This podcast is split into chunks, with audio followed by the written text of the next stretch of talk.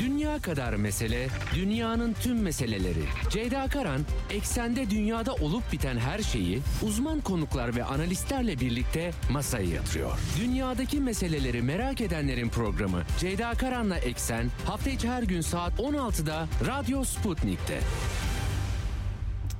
Eksenden merhabalar efendim. Bugün 23 Şubat 2023 günlerden Perşembe dünyadan haberlerle karşınızdayız. Ukrayna çatışması dikkatler Moldova'ya çevrildi. Trans Transnistria bölgesinden yeni bir kıvılcım çakabilir mi? Aslında günlerdir konuşuluyor Moldova yönetiminde bir takım değişiklikler olduğu ama e, hakikaten enteresan bir resim var. E, Joe Biden'ın Kiev'e gitmesiyle bir Doğu Avrupa cephesinde hareketlenme olmuştu. Aktaracağım size Biden dün e, dokuzlu e, diye anılan e, ülkelerle Doğu Avrupa ülkeleriyle bir araya geldi. NATO topraklarının her bir incini savunacağız dedi. Tabii Moldova ve Ukrayna buna dahil değil ama tarihsel bir dönüm noktasındayız. Rusya'dan açıklamalar var. Üst düzeyde Çin diplomatı ağırlandı e, ve oradan verilen mesajlar var. Yine Amerika'nın Çin'e yönelik açıklamaları, Çin'in Amerika'ya yönelik açıklamaları hakikaten diplomasi cephesinde e, ortamın sıcak olduğunu söylemek mümkün. Hepsini aktarmaya çalışacağım size. Bu arada tabii ki START anlaşmasını askıya alması Rusya Federasyonu'nun bu koşullarda ki Trump çıkmıştı zaten dondurulmuştu müzakerelerin yapılması gerekiyor. E, bu konu tartışılıyor. E, açıklamalar var bu konuda da hem Rusya cephesinden hem Batı cephesinden hepsini size aktarmaya çalışacağım. Amerika'da da e, Temsilciler Meclisi Gözetim Komitesi Ukrayna'ya yapılan yardımlarla ilgili rapor talep etti. Gerçekten dikkat çekici e, seçim sonrası bir savaş cephesi oluşmuş durumda Cumhuriyetçilerin de katkısıyla ama bir yandan da Amerika'nın kendi sorunlarıyla birlikte bu e, Ukrayna'ya aktarılan paralar tartışılıyor. Trump başkanlık kampanyasını hızlandırmış durumda. Üçüncü Dünya Savaşı uyarılarını dün aktarmıştım size. E, bugün biraz Amerika cephesindeki duruma bakacağız. Joe Biden Polonya'ya gitti. Bu arada Amerika'da bir sürü felaket yaşanıyor. Sıcak tartışmalar var. Rand'in raporu vardı geçtiğimiz haftalarda. E, bir yandan Tayvan cephesini ısıtma girişimleri var. Bugün konuğum Profesör Hasan Köni olacak. Amerika üzerine de çalışıyor kendisi. Ne oluyor Batı cephesinde? Sunulduğu gibi bir resim var mı? E, kıpırdanmalar nelerdir? Bunlara bakmaya çalışacağız. Profesör Hasan Köni ile birlikte. Dün aynı zamanda Birleşmiş Milletler Güvenlik Konseyi'nde ünlü Pulitzer ödüllü gazeteci Seymour Hersh'ün Kuzey Akım 2 hattını Amerika Birleşik Devletleri'nin havaya uçurduğu yani bir müttefik ülkenin altyapı projesine saldırı düzenlediğine dair tartışmalar taşındı. BM Güvenlik Konseyi'ne özellikle CIA'nin eski analisti Ray McGovern'ın Raymond, e, Raymond McGovern'ın açıklamaları e, dikkat çekiciydi. Başka oturumda konuklar da vardı. Bunları da aktarmaya çalışacağım sizlere. Avrupa'dan haberler var. Finlandiya ve İsveç'in NATO üyelikleri, NATO'nun genişlemesi karşısında Türkiye'nin alacağı tavır merakla bekleniyor. Onlar var. İsveç'le Mart'ta müzakerelerin yeniden başlanacağı yolunda en son açıklamalar var. Bunları da aktarmaya çalışacağım. Sürem el verdiği ölçüde e, Profesör Hasan Könü ile konuşmadan önce başlamadan frekanslarımızı tekrar edelim. İstanbul'dan 97.8, Ankara'dan 96.2, İzmir'den 91, Bursa'dan 101.4 ve Kocaeli'nden 90.2 karasal yayın frekanslarımız bunlar. Bunun dışında Sputnik Türkiye'nin e, web sitesi, cep telefonu uygulamasıyla kulaklığa basarak bizi rahatlıkla dinleyebilirsiniz. E, aynı zamanda Telegram hesabının linkini de paylaşacağım birazdan sizinle. Telegram'dan rahatlıkla bizi takip edebilirsiniz Türkiye'nin her yerinden. Diyelim başlayalım eksene. Dünya kadar mesele, dünyanın tüm meseleleri. Ceyda Karan, eksende dünyada olup biten her şeyi uzman konuklar ve analistlerle birlikte masaya yatırıyor. Dünyadaki meseleleri merak edenlerin programı Ceyda Karan'la Eksen hafta içi her gün saat 16'da Radyo Sputnik'te. Evet şimdi e, öncelikle bir deprem birkaç deprem haberi vereceğim. E, Türkiye'de de biz depremi yaşadığımız için ve en son açıklamalara göre maalesef 43.556 olarak can kaybı açıklandı. Deprem e, dünya çapındaki depremlere de daha yakından bakıyoruz elbette. E, Romanya'da geçen hafta en az 800 sarsıntı olmuş. 120'den fazla da hasar bina olduğu söyleniyor. Ülkenin gördüğü en büyük depremlerden birisi. Sabah Çin sabah karşı daha doğrusu Çin Tacikistan sınırında da 7.2 büyüklüğünde bir deprem meydana geldi. Sincan Uygur Özerk Bölgesi civarlarında haberleri var. Kırgızistan'dan da hissedilmiş. Böyle dünyanın e, sadece diplomaside değil maalesef e, yer e, e, fay hatlarında da hareketlilik olduğu bir dönemden geçiyoruz.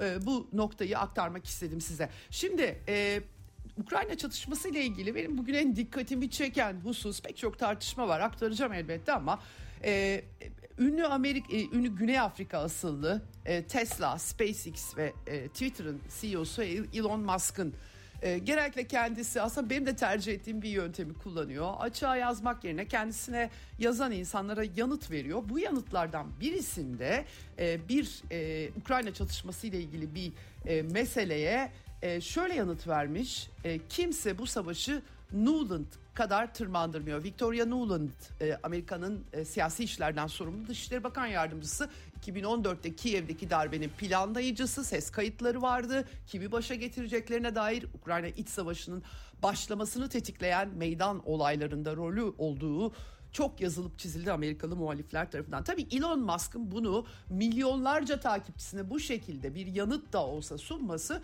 çok dikkat çekici hakikaten. Yakın zamanda Victoria Nuland Kiev'e verdikleri uzun menzilli sistemlerle Kırım'ın vurulmasını meşru hedef olarak gördüklerini dile getirmişti. Bütün bunlar tabii ki hepimizi nükleer bir savaşa çünkü Irak, Suriye, Libya'dan bahsetmiyoruz. Dünyanın Amerika ile birlikte nükleer silah sahibi, BM Güvenlik Konseyi'nin üyesi, bir zamanlar Sovyetler Birliği'nin mirasçısı bir ülkeyle ilgili bütün bunlar söyleniyor. E, ve Kırım'da bir dönemde bir, bir dönem e, Rusya'nın parçasıydı. E, e, bu tabii ki tırmandırıcı bir gelişme ve Victoria Nuland bu açıklamaları yapmıştı. Şimdi Elon Musk'tan bu işi Nuland kadar kimse tırmandırmıyor ifadelerini gördük. Benim çok dikkatimi çekti. Dünyadaki tartışmalara belki katkı bakımından da önemsemek gerektiğini düşünüyorum. Ee, bunun dışında sahada cephede Bahmut cephesinde Ukray e, Ukrayna güçleri sıkışıklığı devam ediyor. Köy köy e, met, metre metre çeşitli yerlerin alındığına dair telegram hesaplarından takip ediyorum ben de haberler var. Ama asıl dikkatler Moldova'ya çevrilmiş durumda. Moldova'da iktidar halkımız bizi desteklemiyor. Başbakan halk bizi desteklemiyor. Avrupa Birliği destekliyor ama halk desteklemiyor. Ee, hakikaten çok enteresan e, halkın desteklemediği bir iktidar, demokrasi ama Avrupa Birliği destekliyor. Değişik bir perspektif. Başbakan istifa etmişti. Yerine yine batıcı bir başbakan getirildi. Kombinasyon meclis kombinasyonunda bu çıktı. Şimdi tabii bu cephede Ukrayna'nın harekete geçtiği iddiaları var. E, Transnistria dondurulmuş çatışma bölgesi. E, ben vaktiyle oraya bizzat gidip gezmiş nadir Türklerden birinden fotoğraflar eşliğinde sosyalist bir tabii ki Batı dünyasındaki tüketim kültürü e, olan bir şey değil ama enteresan hakların bulunduğu bir yer olduğunu böyle kendisiyle konuşmuştum da ben gidip görmediğim için enteresan bir yer Transnistria ama çatışma dondurulmuş bir çatışma. Tabii orada e, enteresan bir biçimde e, Avrupa'daki en büyük mühimmat depolarından birinin Kolbasna kasabasında olduğu söyleniyor ve Ukrayna'ya NATO Genel Sekreterinin ağzından verecek artık mühimmat kalmadığı batı stoklarında işitmiştik geçtiğimiz haftalarda. Bu buraya bir saldırıyla buradaki mühimmatın bir de eski Sovyet döneminden öyle eğitimi eğitimi filan Ukrayna ordusu için gerekmiyor bu mu arkasında yatıyor diye soru sorduracak durumlar söz konusu. Bugün Rusya Savunma Bakanlığı bu konuda Transnistria üzerinden Ukrayna ordusunun Azak taburu neonazileri kullanarak taarruza geç Rusya sanki taarruza geçmiş gibi bir takım planlar yapıldığını söyledi, e, açıkladı. E, dikkatle izliyoruz e, dedi. E, Aynı şekilde Belarus cephesinde de bir hareketlilik var. Doğu Avrupa hattı ki Joe Biden 9 ülkeyle buluşmuştu. Bulgaristan'ın Cumhurbaşkanı dışında pek eleştirel yaklaşan Rumen Rudev dışında bulunmuyor o bölgede. Dolayısıyla böyle bir Transnistria, Moldova ve ayrıca Belarus'ta bir alarm hali var. Belarus Savunma Bakanlığı da Polonya ve Baltık ülkelerinin silahlı kuvvetlerinin e, giderek e, tacizkar tutum takınmaya başladıklarını duyuruyor. Bir başka 24 Şubat yaklaşırken bir başka cepheler mi açılacak sorusunu beraberinde getiriyor. Bu arada Moldova'nın Dışişleri Bakanı da Bağımsız Devletler Topluluğu'yla e, anlaşmaları gözden geçireceklerini duyurdu. Transnistria bir saldırı olacak mı Moldova'dan onu bilemiyoruz ama e, Rusya'ya suçlamada bulunup e, AB'ye katılacağız biz e, Bağımsız Devletler Topluluğu'yla işimiz yok hala bir şekilde anlaşmaları var. E, dedi böyle bir şey, durum var Transnistria yönetimi de Dışişleri Bakanlığı var onların da onlar da e, Kişinev'le e, diyaloğa açık olduklarını başkenti anarak dile getirdiler. Böyle bir çerçeve var. Gelelim Biden'ın ziyaretine. Tabii Biden e, yıl dönümü operasyon, askeri operasyon yıl dönümünde Varşova'ya gideceği önce açıklanmıştı. Sürpriz biçimde ben, benim için beklenmedik olmadı doğrusu. Kiev'e geçti. Zelenski ile kucaklandı. Pek çok açıklama yaptı orada. E, ardından tekrar Varşova'ya geçti. Kiev ziyaretiyle ilgili Maria Zaharova'nın Rusya Dışişleri Sözcüsü'nün her suçlu olay mahalline döner diye kendisi esprileriyle de e, uluslararası ilişkiler bakımından tanınan bir isim. E, böyle bir değerlendirmesi var Rusya'dan. Güvenlik garantileri aldıktan sonra Kiev'e gittiğini söylüyor ki bir takım silah sesleri duyulmuştu ama bir saldırı olmadığı askeri hedeflere açıklanmıştı. Dolayısıyla biraz Kiev Show gibi e, hatta Associated Press ve Reuters haber ajansları bile sirenler niye çaldı ki saldırı yoktu diye vermek durumunda kaldılar. E, tabii Zaharova e, Biden'ın Zelenski ile görüşmesinin Ukrayna'yı aslında kimin yönettiğini ortaya koyduğu değerlendirmesi de yapmış durumda.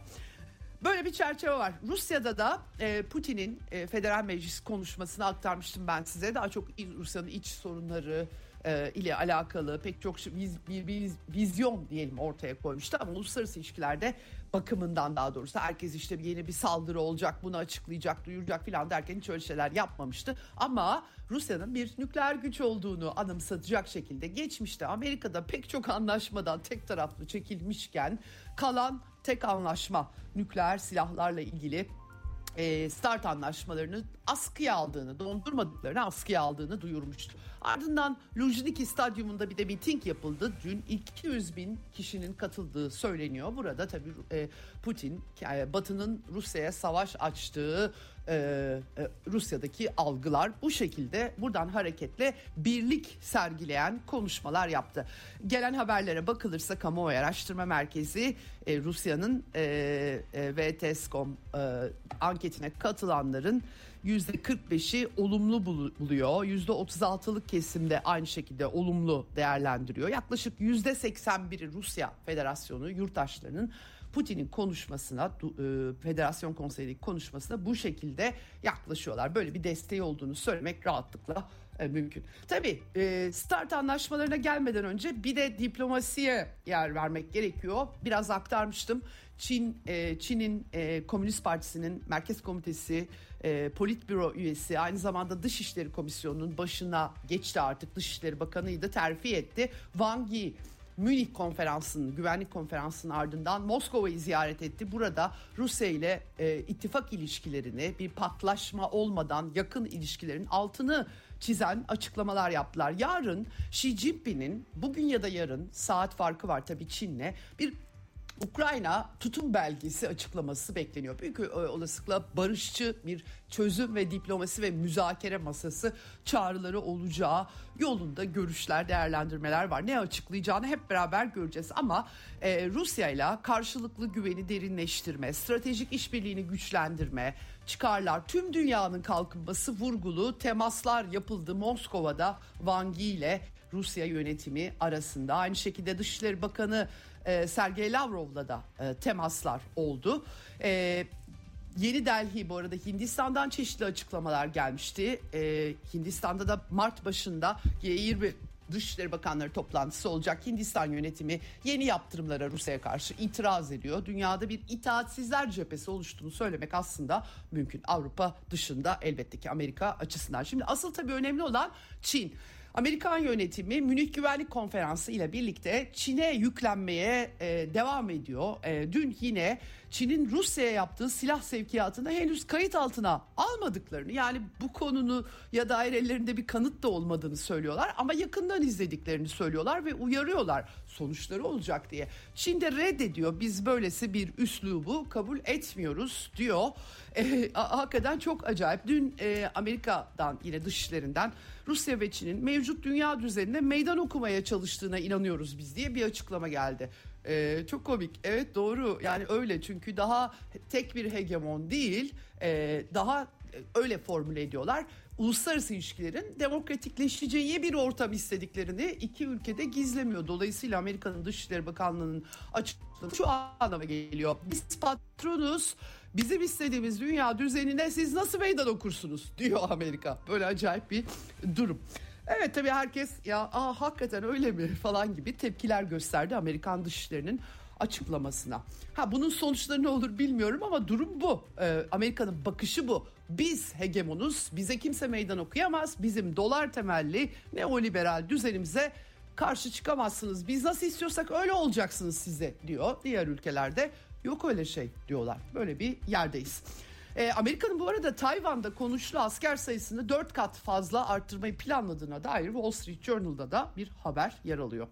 Hakikaten enteresan bir resim var önümüzde. E, Çin Dışişleri Bakanlığı da açıklama üstüne açıklama yapıyor. Her gün artık açıklama yapıyorlar Amerika'nın bu tutumuna karşı Wen Wenbin Dışişleri Sözcüsü kanalıyla. Amerika'nın dünyanın en büyük savaş kışkırtıcısı, savaşçısı olduğu 240 yıllık tarihinde savaşmadığı sadece 16 sene bulunduğu, dünyanın dört bir yanındaki ülkelere müdahale ettiği, işgaller yaptığı gibi en son açıklamaya yer vermiş Çin e, hükümeti. Pentagon'un da bu arada Çin'e bir takım yanıtları olmuş durumda. 4 Şubat'ta Çin'in meteoroloji balonu vurulmuştu Amerika semalarında.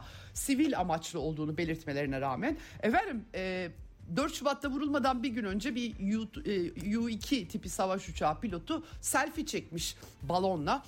Pentagon'da o selfie yayınlamış. Artık ergen dış politikası mı diyeceğim ne diyeceğim bilemiyorum. Doğrusu yorumlamakta zorlanıyorum ama tabii Çinliler bunu bir saldırı olarak algıladılar. Amerika bizim egemenliğimiz ihlal edildi dedi. Çin de Amerika yılda on binlerce böyle meteoroloji balonunu semalara bırakıyor. Bizim topraklara da geliyor sizin balonlar diye yanıt verdi. Biz hani bir şey demiyoruz diye.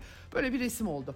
Evet Rusya bu arada Çin ve Güney Afrika ile birlikte Hint Okyanusu'nda ortak e, deniz tatbikatı e, yapıyor, gerçekleştirecek 25-27 Şubat tarihleri arasında yapılacak. Bunun için Sirkon hipersonik füzeleriyle donatılmış Amiral Gorshkov fırkateyni Güney Afrika'ya ulaşmıştı. Amerikalılar bunları da takip ediyorlar.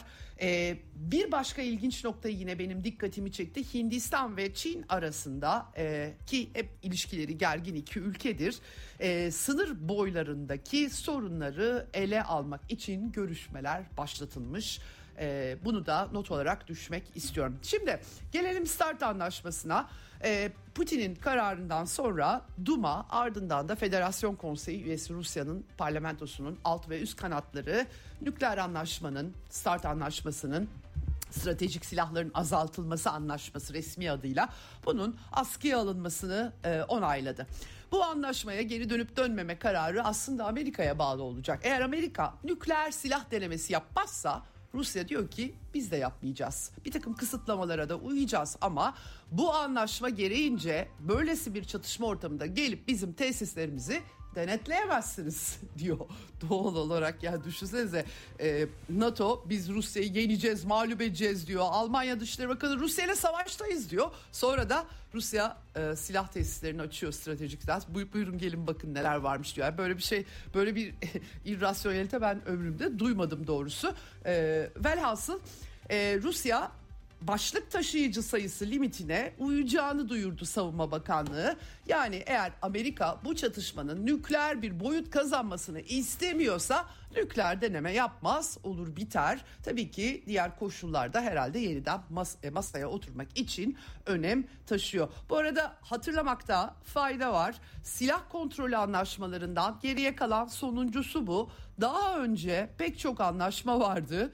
Bugün barıştan bahseden Trump döneminde Amerika o anlaşmalardan bir bir çıktı. Kalmadı geriye. Yani hakikaten enteresan bir resim var.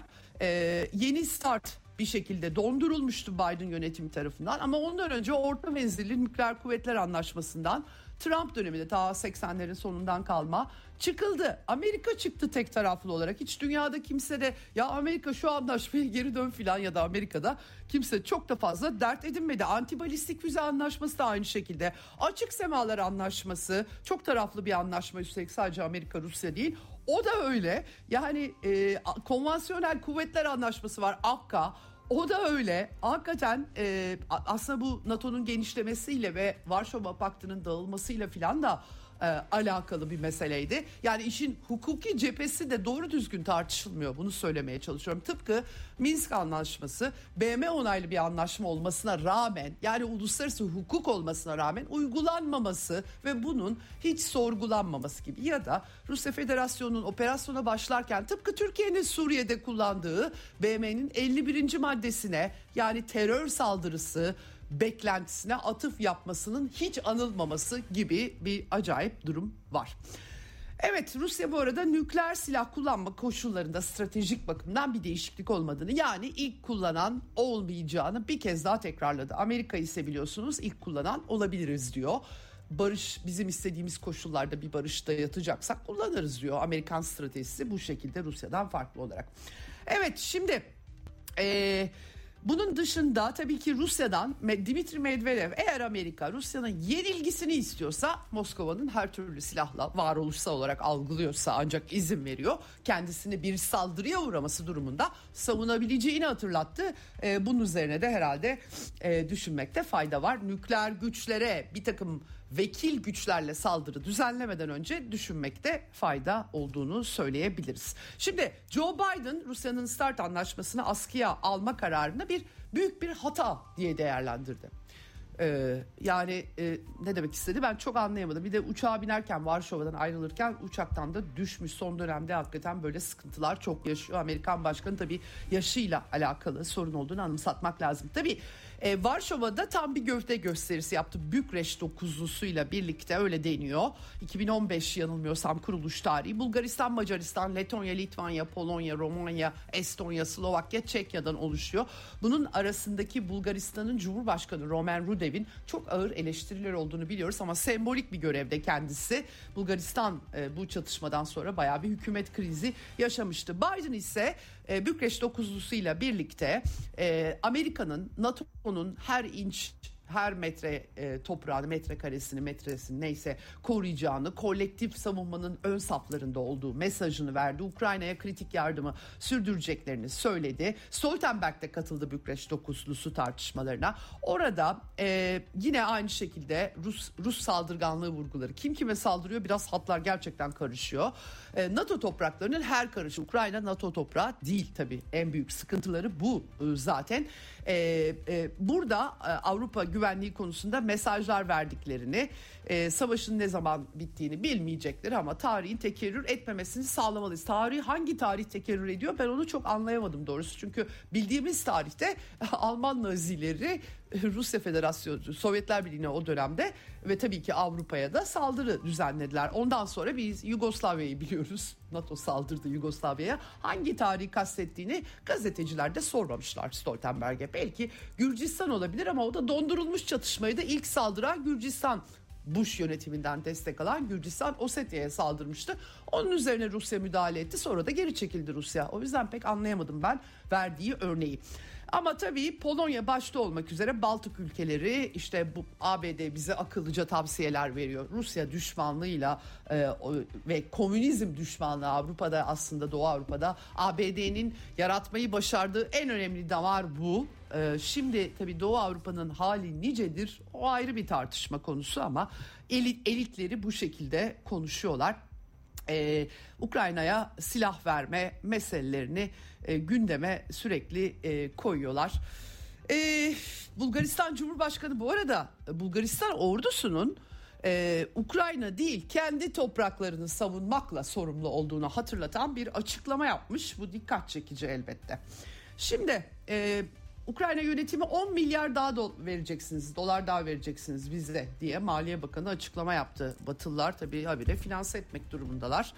Ee, ama e, Reuters haber ajansı Amerikan yönetiminin Kiev'i e, desteğinin sonsuz olmadığı konusunda uyardığını na dair bir haber geçti. Enteresan. Biden tam tersini söyledi. Nasıl oluyor diye soracaksınız. Vallahi bilmiyorum. Bir öyle diyorlar, bir böyle diyorlar. Herhangi bir ilkesel tutum ve açıklama tutarlılığı çok yok. Ee, biraz kazıyınca Amerikan Temsilciler Meclisi Gözetim Komitesi'nin Savunma Bakanlığı, Dışişleri Bakanlığı ve Uluslararası Kalkınma Ajansı'nın Ukrayna'ya yardım için tahsis edilen toplamda askeri artı sivil 113 milyar dolarcık harcamasına dair rapor talep ettiğini görüyoruz. Çok ilginç bu. Hakikaten e, e, birileri hesap mı sormaya çalışıyor sorularını gündeme getiriyor. Donald Trump ABD'de 2024 seçimi için kampanyasına hız vermiş gözüküyor. Dün aktarmıştım. Üçüncü Dünya Savaşı hiç bu kadar yakın olmamıştı diye uyardı. Amerikan derin devletinin, Dışişleri Bakanlığı'nın, Savunma Bakanlığı'nın neo konulardan temizlenmesi gerektiğini söyledi. Çok acayip söylemleri var Donald Trump'ın. Gerçekten hani Amerika'da belli odaklardan elbette muhalifler her şeyi yazıp çiziyorlar. Takip ederseniz görüyorsunuz ama Trump gibi bir ismin bu şekilde konuştuğunu ben e, ilk defa tanıklık ediyorum. E, Victoria Nuland'ın saplantılı kişiliğinden tutun da tabii ben başkan olsaydım böyle savaşçı bir duruma gelmezdik demesi başka bir şey. Hatta dayanamayıp Kuzey Kore ki Nobel e, konusu tartışılmıştı. Kore'ye gitmişti başkanken. Amerikan tatbikatları nedeniyle bunları yapıyor Kore Demokratik Halk Cumhuriyeti filan diyen bir Amerikan eski başkanı var. Gerçekten çok enteresan. Hakikaten Amerika sürekli Güney Kore ile Japonya ile tatbikatlar yaptıkça e, Kore Demokratik Halk Cumhuriyeti ha bizim üstümüze mi geliyorsunuz? Peki o zaman diyor Rusya gibi yani uluslararası hukuk şu bu çok da dert edilmiyorlar onlar böyle şeyleri. E, doğrudan bir meydan okuma sergiliyorlar ve Trump böyle bir yorum yapıyor. İlginç. Tabii bunları yapmasının bir sebebi de Amerika'da çürüyen altyapı e, Joe Biden'ın onca paralar da aslında e, kimilerinin Biden yönetimini sosyal demokrat diye nitelendirmesine neden olan kısıntıya kesintiler olsa da bir takım altyapı projeleri yatırımları falan var ama henüz tabii e, dönüşleri de gelmiş değil. En son Ohio'daki e, tren kazası, kimyasal e, onları Amerikan medyası normal koşullarda çok daha etkin bir biçimde takip ederdi ama biraz sanki sessiz kaldılar gibi. Ben arada videolar görüyorum. Anlatıyor yerel halk başına gelenleri. Kendileri test yapmak zorunda kalıyorlarmış. Şimdi Amerika'ya bağlanıyorsunuz, Amerika'dan haber alıyorsunuz ama muhabirler Amerikan ana akım medyasının yazdıklarını aktarıyorlar. Sonra birdenbire Ohio'daki insanların videolarını izliyorsunuz. İşte biz suyumuzu kendimiz test ettirdik. Bir hafta sonra sonucu gelecek falan diye anlatıyor insanlar. Çok acayip ama hakikaten böyle. Dolayısıyla ana akım medya takip ederek ne olup bittiğini anlayamaz haldeyiz. Bir acayip. Tabii Cumhuriyetçiler bunun üstüne gidiyorlar. Anlaşılan o. E, çünkü e, onlar da Trump'ı suçluyorlar. Karşılıklı suçlamalar sizin yüzünüzden, bizim yüzümüzden diye. Karışık bir Amerika tablosu e, var. E, ve bitmiyor bu kazalar mazalarda. Enteresan. Birazdan Profesör Hasan Köni ile de konuşacağız bu tartışmaları. Nereye varacağını tabii ki. e, dün e, aynı zamanda Amerika'nın Almanya'nın kritik altyapısı olan ucuz Rus kaynağını alacağı Kuzey Akım 2 e, e, tesisinin vurulmasına dair haberi Batı medyasında gömülmeye çalışıldı haber. Çok acayip. E, Pulitzer ödülü Seymour Hersh küçümsenmeye, komplo teorisyeni pozisyona itilmeye çalışıldı. Halbuki derin gırtlak mefhumu vardır Amerikan politikalarında. Üst düzey yetkililerin güvenerek açıklama yapabileceği isimlerden birisi olduğu çok iyi biliniyor Amerika'da. Ve tabii ki Amerikan istihbarat topluluğunun kimi samimi raporlamalarına rağmen bunun siyasi düzeyde manipüle edildiğinin sayısız örneği var. Irak Savaşı'na kadar gitmeyeyim ama çok sayısız örneği var. Dolayısıyla Hirsch bir yazı daha kaleme almış bu arada ve e, bu işteki Norveç rolüne atıf yapmış tarihsel olarak. E, Norveç'in ta Vietnam Savaşı'ndan bu yana Amerika ile gizli örtülü operasyonlara katılan bir ülke olduğunu Stoltenberg'in ülkesi olan Norveç'in bu sefer e, yazmış. Norveç donanması ABD istihbaratıyla uzun ve karanlık bir işbirliği geçmişine sahiptir. Anımsatması yapıyor Seymour Hersh. Evet ilginç hakikaten e, Vietnam'dan bu yana böyle bir ilişkiye değinen e, son yazısı ilgiyle herkes Seymour Hersh'ü takip etmeye tabii devam ediyor.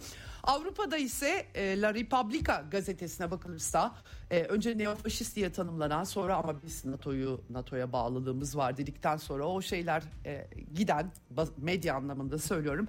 E, Giorgia Meloni Kiev'i ziyaret etmişti fakat Berlusconi'nin Zelenski hakkında zehir zemberek açıklamalarını hatırlayalım. İşte koalisyon partisi Forza Italia Berlusconi'nin partisi ve La Lega sağda tanımlanan partiler ee, yani bu çatışmayı daha da tırmandırmamak lazım öyle savaş uçağı mavaş uçağı olmaz böyle şeyler diye tepki koymuşlar. İspanya'nın e, Sosyalist Partisi, Sosyalist Parti ama sosyalist değil tabii ki Pedro Sanchez. O da Kiev'e gidecekmiş. Enteresan bir resim oluşuyor aslında Avrupa'da bu anlamda baktığımızda. İsveç ve Finlandiya'nın tüm derdi de NATO'ya üyelik. Finlandiya e, Cumhurbaşkanı Türkiye'nin elinde kaderimiz diye bir açıklama yapmış durumda. Ee, İsveç'te Mart ayında müzakereler devam edecekmiş. Ankara bu konuda tutumunu yumuşatacak mı? Hep beraber göreceğiz. Macaristan ise Mart ayında 9 6-9 Mart tarihlerinde büyük olasılıkla takvime uyup NATO'ya üyelik onayı e, verecek öyle gözüküyor bütün e, resim. Ama Avrupalılar Rusya'ya yaptırım paketi 10. pakette bir türlü uzlaşamıyorlar.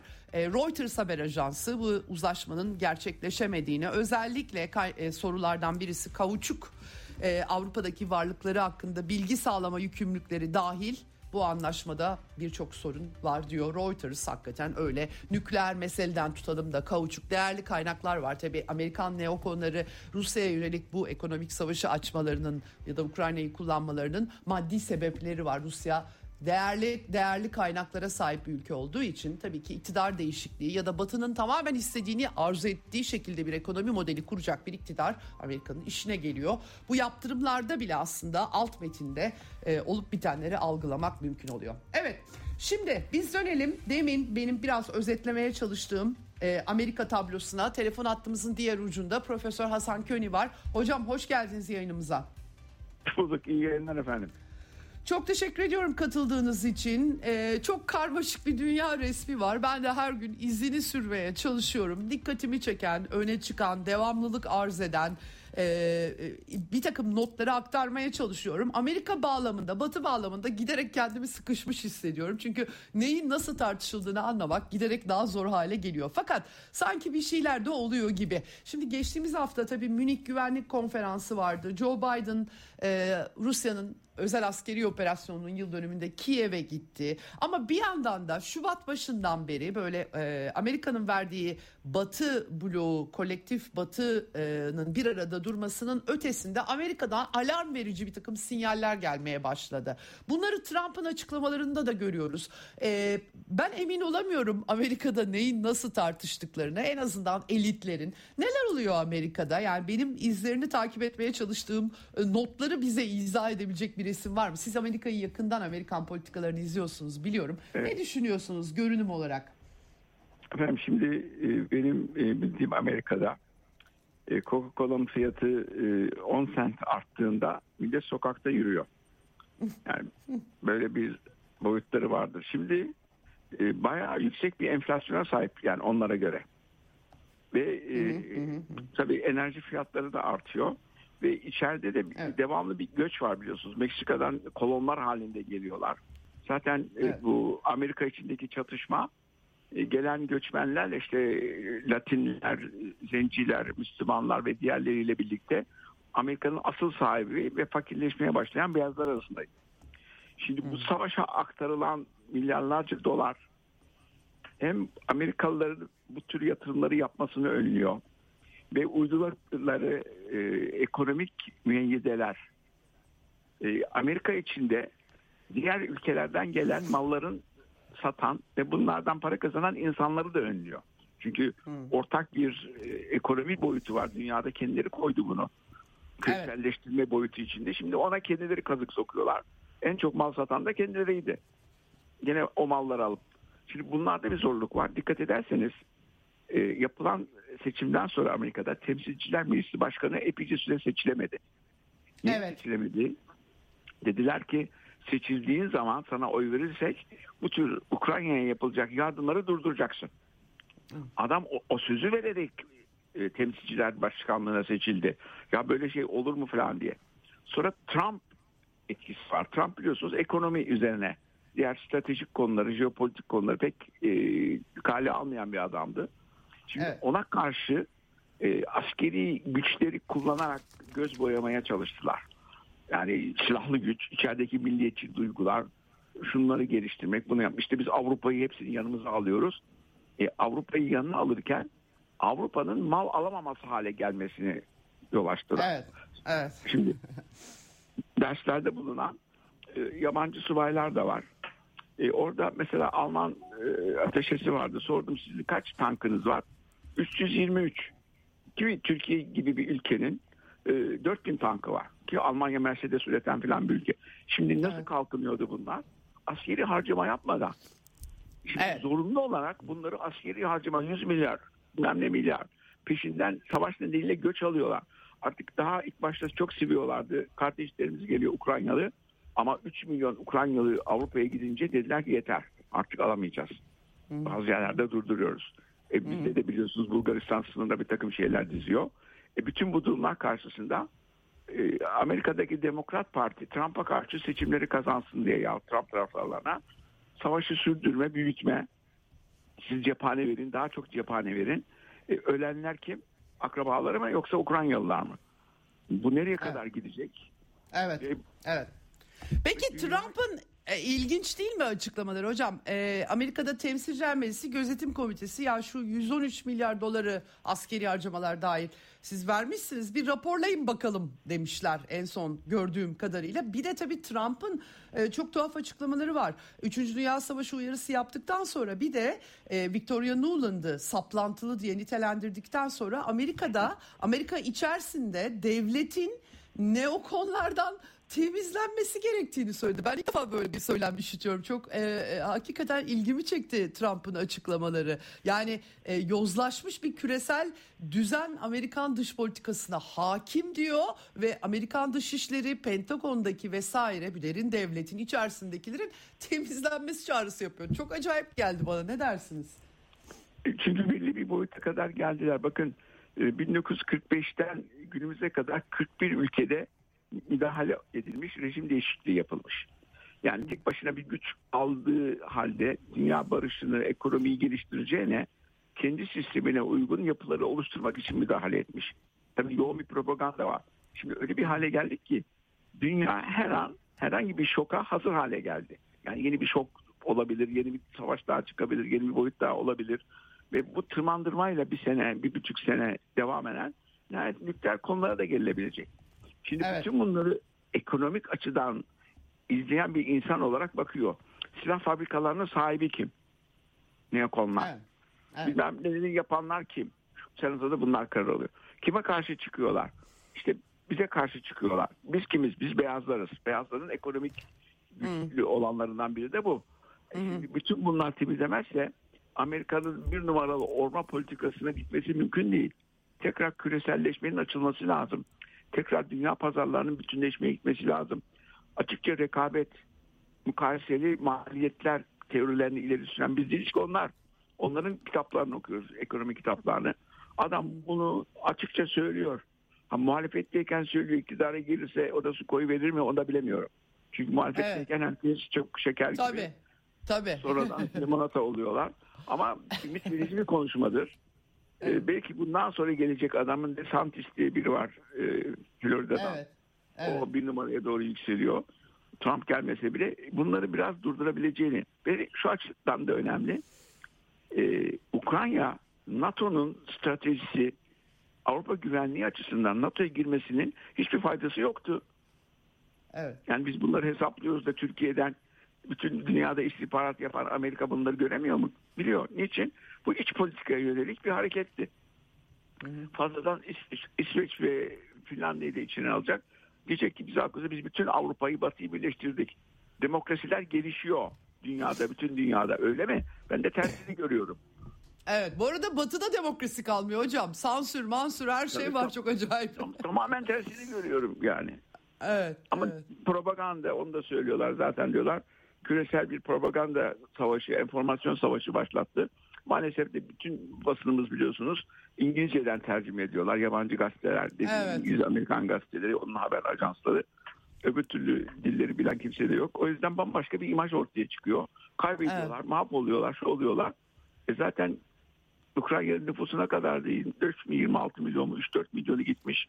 10 milyonu içeride Evet. Rusya'ya. Rusya'ya da 3 milyondan fazlası zaten Rusya'ya gitti hocam. Yani Ukrayna tabii Rus nüfusun E, çok tabii. yoğun olduğu bir yer. e, karşılıklı evlenmeler vardı. Slav bunlar. Tabii, tabii, Dilerseniz barış yapabilmek için Rusya Kiev'deki hükümet binasını, başkanlık binalarını bombalamıyor. Yoksa Evet. indirirler oraları. Ondan Evet. şeyleri bilmiyor muyuz? Top atışlarını Evet. bilmem ne. O Evet. kadar ders veriyoruz. Evet. O yüzden onu önleyen onlar yani barışa gidilmesini belki görüşmeler de oldu. Johnson olayını biliyorsunuz. Bu görüşmelerde Kırım'ı da veririz. Siz iki otonom bölgeye dokunmayın. içinizde kalsın. Otonomi verin. Barış yapalım. Zelenski de evet diyor. Evet. Boris Evet. Johnson atlayıp geliyor. Amerika bunu kabul etmiyor diyor. Niye Evet. kabul etmiyor? Ee, Evet. Ama bütün dünyaya ekonomik konularda maliyetleri var. Peki hocam Enerji. Çin mesela yani çok acayip bir biçimde işte şimdi bir yandan da bu ben artık çılgın ne o konular diyorum çünkü rasyonelitesini algılamakta açıkçası kafam zorlanıyor.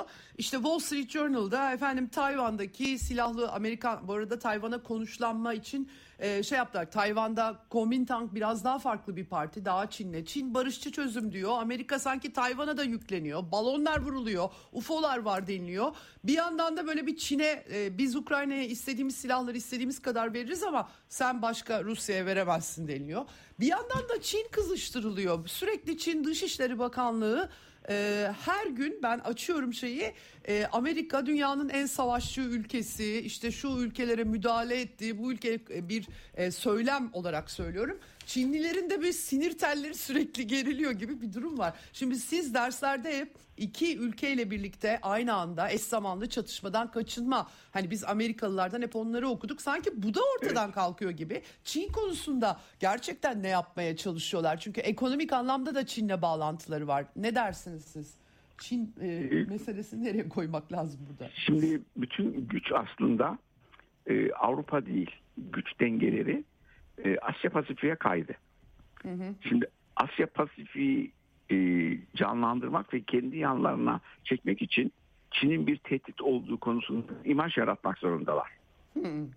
İşte mesela Japonya'yı e, Evet. silahlandırıyorlar. E, Evet. Japonya'nın çok fazla savunma boyutu yok ki. Bir ada devleti biliyorsunuz. Yani geriye çekilme diye bir boyutu yok. İşte peşinden Güney Kore. Zenginlettikleri Güney Kore. Filipinler. Filipinler. Evet. Has- Filipinler. şey, çocuk bakıcıları toplu halde Amerika'da çocuklara bakar hep Filipinlilerdir. E, Onları e, kızıştırıyorlar. E, böyle Hindistan'ı yalnız yanlarına alamadılar. Alamadılar. Onun yanında olması lazım. Evet. E, Bu, bu imajı da Çin'in bir takım hareketlere zorlayarak yapmaları gerekiyor. Yalnız Çin İkinci Dünya Savaşı'nda Hitler'in yaptığı hataya düşmüyor. Hmm. Yani e, savaşa belli bir boyuta gelmeden girmenin Hitler'e nelere mal olduğunu gördü. Yani dünya kaynaklarına erişmeden belli bir alanda. Fakat şimdi dünya kaynakları Asya'da. E, enerjiyi de Rusya'dan alabiliyor. Avantajlı durumda. Ama çok daha erken. Erken. Onlar da şeyi bekleyecekler. Biden'ın gitmesini bekleyecekler. Demokratik Hocam bunun bizim böyle bir şeye ihtiyacımız yok. Zaten e, Tayvan Çin'in başka modelleri de var. Yani özel olarak Tayvan'a bir operasyon düzenlemeye ihtiyacı var mı? Yani Hong Kong'u var, bilmem nesi var. Zaten e, bir şekilde sistem olarak yani ideolojik olarak tabii ki Çin Komünist Partisi her şeyi belirliyor ama e, bu sistemi yönetmek bakımından e, e, farklı versiyonları da kullanabiliyorlar. Neden Tayvan'a özel olarak bir askeri çıkartma yapsınlar? Oradaki siyasi yani Amerikancı parti yerine Kuomintang e, olsa biraz daha dengeli gidebilir. Yani neden Amerika böyle bir şeyi gündeme zorla Çin buraya müdahale edecekti? Çünkü Çin'in böyle uluslararası müdahale tarihi yok Amerika gibi. Bu nereden çıkıyor? Bu bakışı kim bize böyle sunuyor? Müdahale etmesini istiyorlar. Şimdi Çin Ha, bir takım etmesini istiyorlar. var. Evet. Çünkü Hı, hı, Çin'in içindeki milliyetçi yapıyı canlandırmaya çalışıyorlar. Yani 1990'dan sonra etnik milliyetçiliği canlandırmaya çalıştılar e, dünyada. İşte Avrupa'daki turuncu devrimler falan. Ondan sonra Türkiye'ye e, PKK sorunu olarak patladı. Başka sorunlar, etnik sorunlar İspanya'da patladı, Fransa'da patladı, İtalya'da patladı. İngiltere bile İskoçya ayrılmak için uğraşıyor. Şimdi onu yani bir politika izlerken dünyaya yansımaları, sosyal alana yansımaları var. Ki, Kendi işlerine de kim bilir ileride nasıl yansıyacak. Tabii. Aynen bu İslami örgütleri kullanırken yansıttıkları gibi şimdi boğuşuyorlar hala. Evet. Bunu yapmaya çalışıyorlar ki kendilerini herhangi bir çatışmada haklı ortaya çıkarmasın. Meşruiyet kazanmak, içini zorlamak bu konularda. Evet, Evet. Bütün amaç psikolojik operasyonlar zaten Putin'in konuşmasında da var. Psikolojik, Evet. e, ekonomik bütün kuralları, enformasyon şeyini kullanıyorlar diyor. Biz de bunun Evet. farkındayız tabii. Evet. Peki hocam çok çok teşekkür ediyorum değerlendirme için. olun, Hakikaten çok sağ olun. önemli noktalara parmak bastınız. Biz e, yani batıda bunlar ne kadar tartışılabiliyor ben emin değilim ama biz de neler olup bittiğini anlamaya çalışıyoruz. Nereye gittiğini anlamaya çalışıyoruz. Çok teşekkür ediyorum. Ağzınıza Sağ sağlık. olun, sağ olun. Rica ederim. Evet, Profesör Hasan Ünal'la konuştuk bugün. Hakikaten önemli noktalara dikkat çekti. Ee, ideolojik planda, e, e, askeri anlamda yani bu neokon politikaları Türk e, sadece e, e, Ukrayna üzerinde değil, küresel bir vizyonun yansıması. Neyi hedeflediyor? Onlar bunu tabii demokrasi, otokrasi diye koyuyorlar ama sistemik hiçbir eleştiri yok ve dönüp baktığınızda ben Avrupa'daki arkadaşlarımla konuşuyorum. Olup bitenlerden haberleri yok. Çünkü ana akım medyaları yazmamış. Çok acayip yani bilmiyorlar. Bilmeyince analiz yapmak çok zorlaşıyor. Ee, biraz e, neden sonuç ilişkileri ve bağlam kurmadığınız zaman ne olup bittiğini anlamanız da mümkün değil. Eleştirel düşünce önemli bir şey ama bu da yok. Ve hakikaten işte hepimiz Amerikan dizilerinden e, büyük adalet savaşçısı FBI'yı falan seyrediyoruz CIA'yı. Ondan sonra enteresan bir dünya oluşuyor. Şimdi e, birkaç not daha var onları da e, aktaracağım size. E, Rusya, İran, Türkiye ve Suriye Dışişleri Bakanlarının dörtlü toplantısı konuşuluyordu aslında deprem öncesinde. Ee, deprem oldu pek Türkiye Suriye'ye de bir yakınlaşma sergilemedi dikkat çekici bir biçimde e, batıdan ziyaretlere eşliğinde ama Rusya Dışişleri Bakan Yardımcısı Mihail Bogdanov'un bir açıklaması var bu konuda dörtlü toplantı için çalışıldığını söylüyor. Sonuç getirecek mi? Ne zaman getirecek? Bunlar ayrı bir soru ama bu olaydan önce, depremden önce, felaketten önce bunu konuşuyorduk. Ee, İran Dışişleri e, Bakanı Irak başkentine gitti bu arada. Bir sürü temasta bulunmuşlar. Irak'ın Çin ile Yuan üzerinden ticaretine izin verecek bir takım hareketlenmeler olduğu anlaşılıyor. İtaatsizler cephesinde kıpırdanmalar. Tabii ki e, somut olarak değişen bir şey henüz yok Amerika'nın dolar temelli sisteminde. Fakat her ülke kendi çıkarları bakımından çeşitli diğer ülkelerle bir takım temaslar içerisinde gözüküyor. Latin Amerika'sından Afrika'sına, Asya'sına e, Hasan e, Köle Hoca'nın çizdiği bu resim karşısında bir başka bir resim de olduğunu belirtmek gerekiyor. Bu arada İsrail e, Batı Şeria'da Nablus'ta bir baskın düzenleyip yine 9 Filistinli'yi e, öldürmüş. Yüzden fazla yaralı var. E, silahlı oldukları iddiasına dayandırıyor. E, hava saldırıları var Gazze şeridine. Kutsal topraklarda da yine bir hareketlilik olduğunu belirtmek lazım. Silah depolarına hedef aldıklarını Gazze'de söylüyor İsrail ordusu. E, Filistin'den de bu e, notu size e, aktaracağım. Eksenden bugünlük bu kadar. Yarın e, görüşmek üzere. Hoşçakalın efendim. Ceyda Karan'la Eksen sona erdi.